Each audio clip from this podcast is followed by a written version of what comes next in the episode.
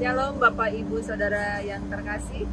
Pada kesempatan kali ini saya akan mencoba merenungkan uh, firman Tuhan yang diambil dari Amsal 4 ayat 23. Yang saya beri judul penjaga hati.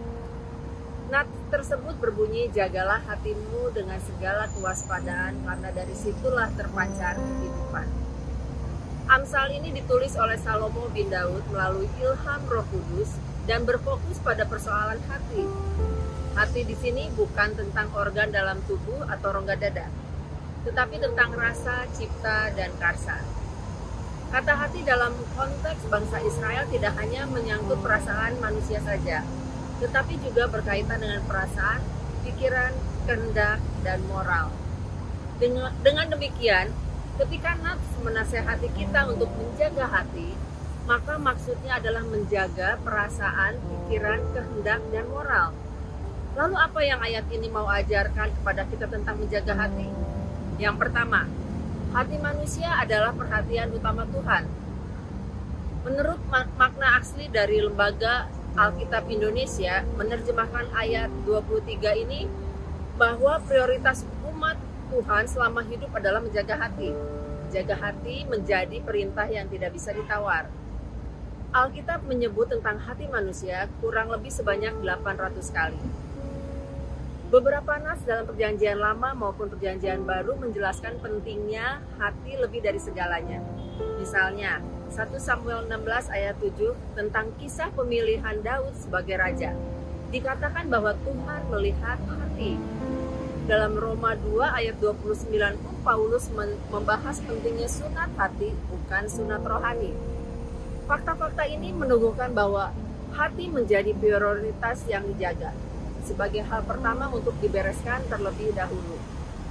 Kita perlu menjaga hati kita dari ketamakan, keserakahan, kelicikan, kekhawatiran, kecemburuan, dan lain sebagainya tanpa menjaga hati terlebih dahulu kita bisa kehilangan apa yang kita miliki.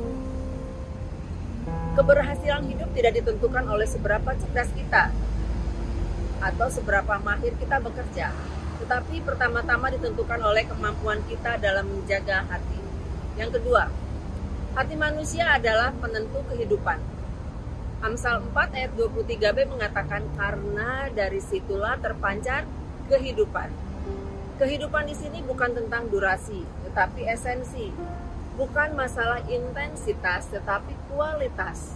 Pemakaian kata kaim, kehidupan dalam perjanjian lama tidak hanya menyangkut kehidupan fisik yang berjangka waktu, tetapi juga menyangkut kebahagiaan, kesejahteraan, dan berkat-berkat rohani lainnya. Kualitas kehidupan semacam ini rupanya bersumber dari hati kita, Bagian lain dalam kitab Amsal juga mendukung konsep ini. Contohnya, Amsal 11 ayat 6 yang mengatakan bahwa perempuan yang baik hati beroleh hormat. Amsal 12 ayat 25 menjelaskan kekhawatiran dalam hati bisa membungkukan tulang. Lihatlah bahwa keadaan hidup kita dipengaruhi oleh sikap hati kita. Seseorang beroleh hormat, semangat, dan ketenangan hidup bergantung pada kemampuan menjaga hati. Tidak bisa dibantah bahwa keadaan hidup lahir dan batin juga bergantung dalam keadaan hati. Hidup seperti apa yang Anda inginkan saat ini? Jika kita tidak pandai menjaga hati, kita tidak akan mencapai kualitas hidup yang diharapkan. Jika kita tidak pandai mengalihkan perasaan dan pikiran, betapa berat hidup yang akan dijalani mereka yang khawatir setiap hari betapa energi mereka habis sia-sia menakuti apa yang belum terjadi. Mereka yang hatinya memendam amarah, betapa tersiksanya mereka tidak ada kelegaan dalam kehidupannya. Orang-orang ini tidak akan merasa nyaman dan lalu dihindari oleh teman-temannya.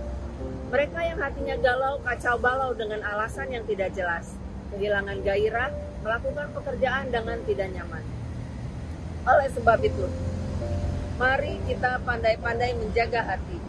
Singkirkan semua hal yang negatif dalam hati kita dan mintalah kepada Bapa supaya Roh Kudus yang menguasai hati kita.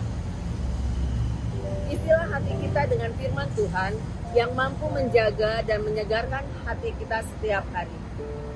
Mari Bapak Ibu Saudara sekalian, Kita menjaga hati kita masing-masing karena itu merupakan perhatian utama Tuhan. Kita adalah penjaga hati bagi hati kita masing-masing. Amin Bapak Ibu. Selamat menjaga hati kita masing-masing Bapak Ibu Saudara sekalian. Tuhan Yesus memberkati.